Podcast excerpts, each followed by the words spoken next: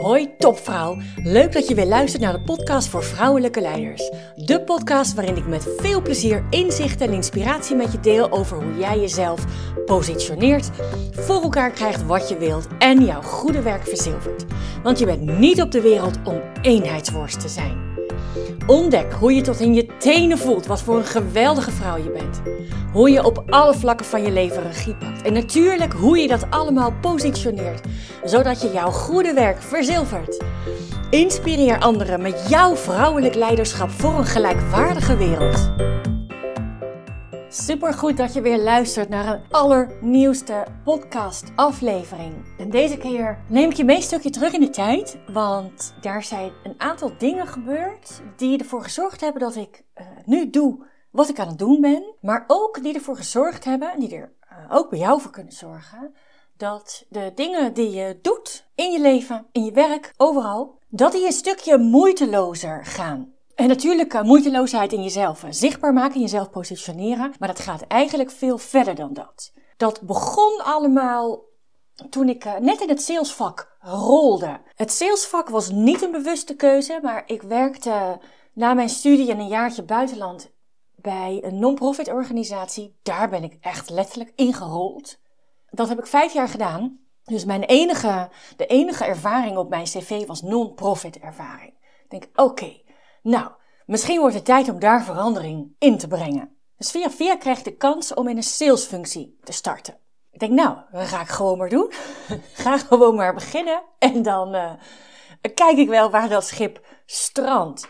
En ik hoefde er niet heel lang te werken om al snel te ontdekken dat ik heel graag een goede salesvrouw wilde worden. Dat ik heel graag dat vak onder de knie wilde krijgen, het mijn eigen wilde maken en ja, een top salesvrouw te zijn. En ik weet nog dat uh, in die tijd, ik werkte eigenlijk vooral met, met mannen samen, niet alleen mijn directe collega's, maar ook vaak bij klanten. Het stond er wel eens bij de koffiezetapparaat. En dan, ik hadden zo'n gesprek en dan kwam er wel eens zo'n compliment uit van, hé Suzanne, je lijkt wel een man in je gedrag. En dat vond ik fantastisch. Ik vond het zo'n mooi compliment om dat te krijgen, dat ik in mijn gedrag wel een man leek. Dat ik er echt bij hoorde. Ik was echt onderdeel van mijn team, want ik leek wel een man in mijn gedrag. Mijn doel op dat moment was een topsalesvrouw te worden. En ik wilde daar ook uh, natuurlijk die beloning voor, die financiële beloning voor.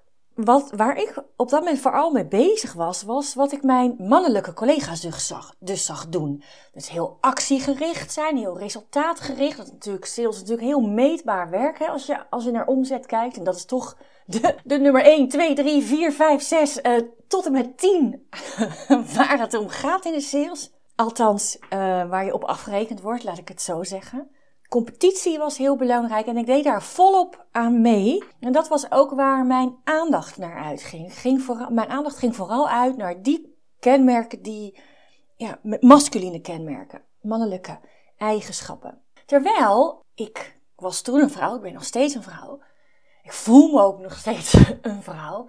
Wat ik toen ook deed, ik zette wel degelijk mijn feminine eigenschappen in. Die zette ik wel, uh, wel degelijk in maar dan vooral onbewust. En even voor de duidelijkheid: de kans is groot dat je naar deze podcast luistert omdat je ja, misschien ergens getriggerd bent, misschien wat wil leren bij jezelf, iets weten van je denkt van nou, dat kan anders. Of dat zou ik graag anders willen doen. Uh, dus je hebt naar jezelf gekeken, je bent naar binnen gegaan en bij jezelf gecheckt van oké, dit, dit kan ik gebruiken. Hier wil ik mijn tijd in stoppen je hebt een mannelijke eigenschap nodig gehad om daadwerkelijk te gaan luisteren. Om tot actie over te gaan, om ook echt te gaan luisteren. Iets willen is één, maar doen is twee. En actiegericht, dat is echt typisch een masculine eigenschap. Dus je hebt allebei nodig gehad, ingezet om nu te luisteren naar, naar deze podcast. Maar wat ik, waar ik vooral, eh, wat ik vooral heel belangrijk vond destijds, waren mijn, uh, mijn masculine eigenschappen. En doordat ik die zo belangrijk vond, was ik volledig blind voor mijn feminine eigenschappen. Volledig. Die zag ik niet, waardeerde ik niet, kwamen ook nergens in terug, niet in, in uh, beoordelingsgesprekken en zo. En dat is niet handig. Zeker in de sales, hoewel dat heel actiegericht, uh, resultaatgericht is, is in de sales zijn vrouwelijke feminine kenmerken, eigenschappen enorm handig. Dus op een gegeven moment, ik weet nog, ik begon te lezen over, over genderbias, over hoe wij masculine eigenschappen hoger waarderen dan uh, feminine eigenschappen. Dat was ook in, ja, veel uh, vrouwennetwerken startte toen net en dan vond ik wel wat van, van zo'n vrouwenclubje. Terwijl mannenclubjes er al jaren en jaren zo niet eeuwen waren en daar vond ik dan niks van. Uh, inmiddels is dat overigens precies andersom. Maar mijn aller, allerbelangrijkste ontdekking op een gegeven moment was: ik ben geen goede salesvrouw omdat ik over van die masculine eigenschappen beschik, over dat ik er complimenten over krijg dat ik wel een, een man lijk in mijn gedrag. Nee, juist niet. Ik was een goede salesvrouw omdat ik ook beschikte over feminine eigenschappen. Ik beschikte over, nog steeds, denk ik, vind ik, over een uh, empathisch vermogen. Ik kan mezelf verplaatsen in de ander.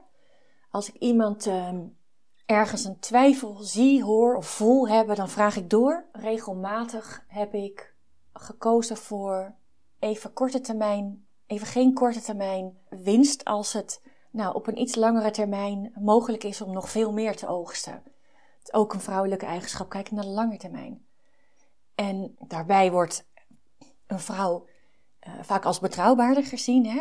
Ik weet niet of je daar wel eens uh, over gehoord hebt, maar je hebt um, in Amerika, Zuid-Amerika allemaal namen voor de. Of ik weet niet of dat continentgebonden is, maar goed, dat maakt niet uit. Je hebt namen voor orkanen en stormen. En op het moment dat er een, een orkaan is met een vrouwelijke naam, wordt dat als minder bedreigend, als minder angstig ervaren. Met als gevolg dat de schade dus veel groter kan zijn, omdat mensen minder goed voorbereid zijn. Dus ook aan de, aan de pokertafel worden vrouwen gezien als, uh, ja, als de pokerspelers die niet bluffen, omdat wat zij zegt wel waar zou zijn. Dus nou goed, anyway. Ik geloof inmiddels dat de balans, zeker in sales, mag uitslaan naar feminin. Maar de grootste, de grootste uh, ontdekking die ik op dat moment deed, en dat is wel heel ironisch. De grootste ontdekking die ik deed is, wat ik, ik heb heel erg mijn best gedaan om, om te zijn zoals mijn mannelijke collega's waren. Ik dacht dat ik als hen moest zijn, dat ik me als hen moest gedragen om goede topsalesvrouw te worden. Maar de ironie is dat jezelf positioneren, jezelf zichtbaar maken, is juist jouw onderscheidend vermogen te laten zien. Dus, dus je uiterste best doen om mee te gaan in in hoe anderen zijn door je te proberen te gedragen hoe anderen zijn. Daarmee onderscheid je je juist niet. Juist niet. Hoewel empathisch vermogen, uh, doorvragen, langetermijn, dat waren allemaal dingen die kwamen nooit terug in een functioneringsgesprek of een beoordelingsformulier. Maar ik ben ze zelf gaan zien, ik ben ze zelf gaan inzetten. En vanaf dat moment ben ik veel meer niet naar mijn mannelijke collega's gaan kijken, niet naar uh, beoordelingspunten gaan kijken. Nee, ik ben naar mezelf gaan kijken. Wat doe ik om dit resultaat te krijgen? Wat doe ik?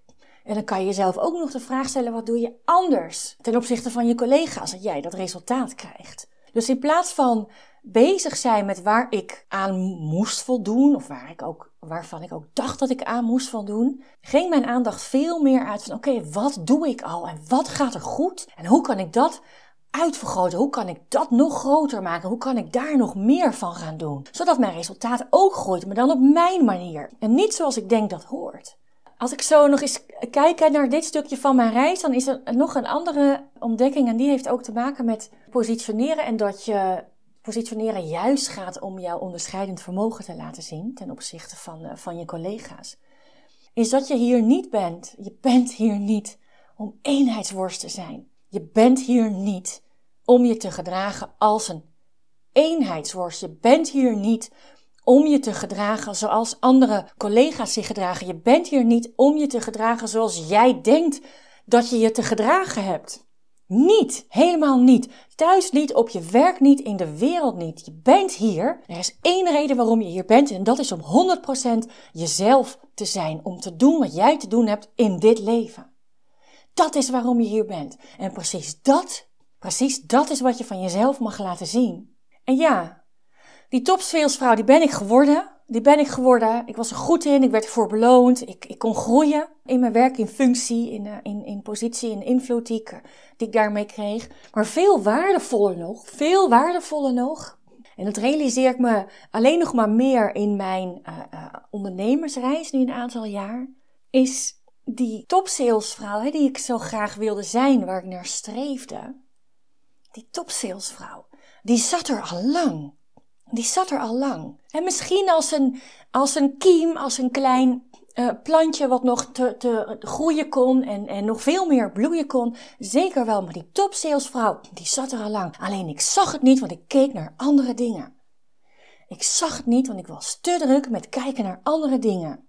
Wat ik hiermee wil zeggen, ja, het geheime wapen, het geheime wapen, waarmee jij jezelf moeiteloos profileert, waarmee jij dingen voor elkaar krijgt. Waar dan ook, ken je werk thuis, overal. Dat geheime wapen, dat ben jij. Zie jezelf voor de topvrouw die je bent. En precies dit is altijd een wezenlijk onderdeel van mijn mini-training Positioneer jezelf. Donderdag 23 februari kan je weer meedoen. Half acht, s avonds, een uur en een kwartier ongeveer. Online, is gewoon vanuit je luie stoel of de bank. Je schrijft je in op positioneerjezelf.nl. Hoor je dit na 23 februari, dan vind je op diezelfde plek de eerstvolgende datum. Maar joh, je bent hier niet. Je bent hier niet om je aan te passen. Je bent hier niet om een eenheidsworst te zijn. Je bent hier om 100% jezelf te zijn. En alles is er al. Alles is er al. Alles is er al. Er hoeft maar één ding te gebeuren. En dat is zien dat het er is. Zien dat het er is. We zijn zo gewend om te kijken naar wat er niet is. De aandacht op school, op het werk is altijd gericht op, ja, op de dingen die er nog niet zijn, die beter zouden moeten, die nog niet zo goed gaan. Maar geloof me, als jij van jouw acht een 10 of een, of een 15 of een whatever maakt, joh, daar ga je van vliegen.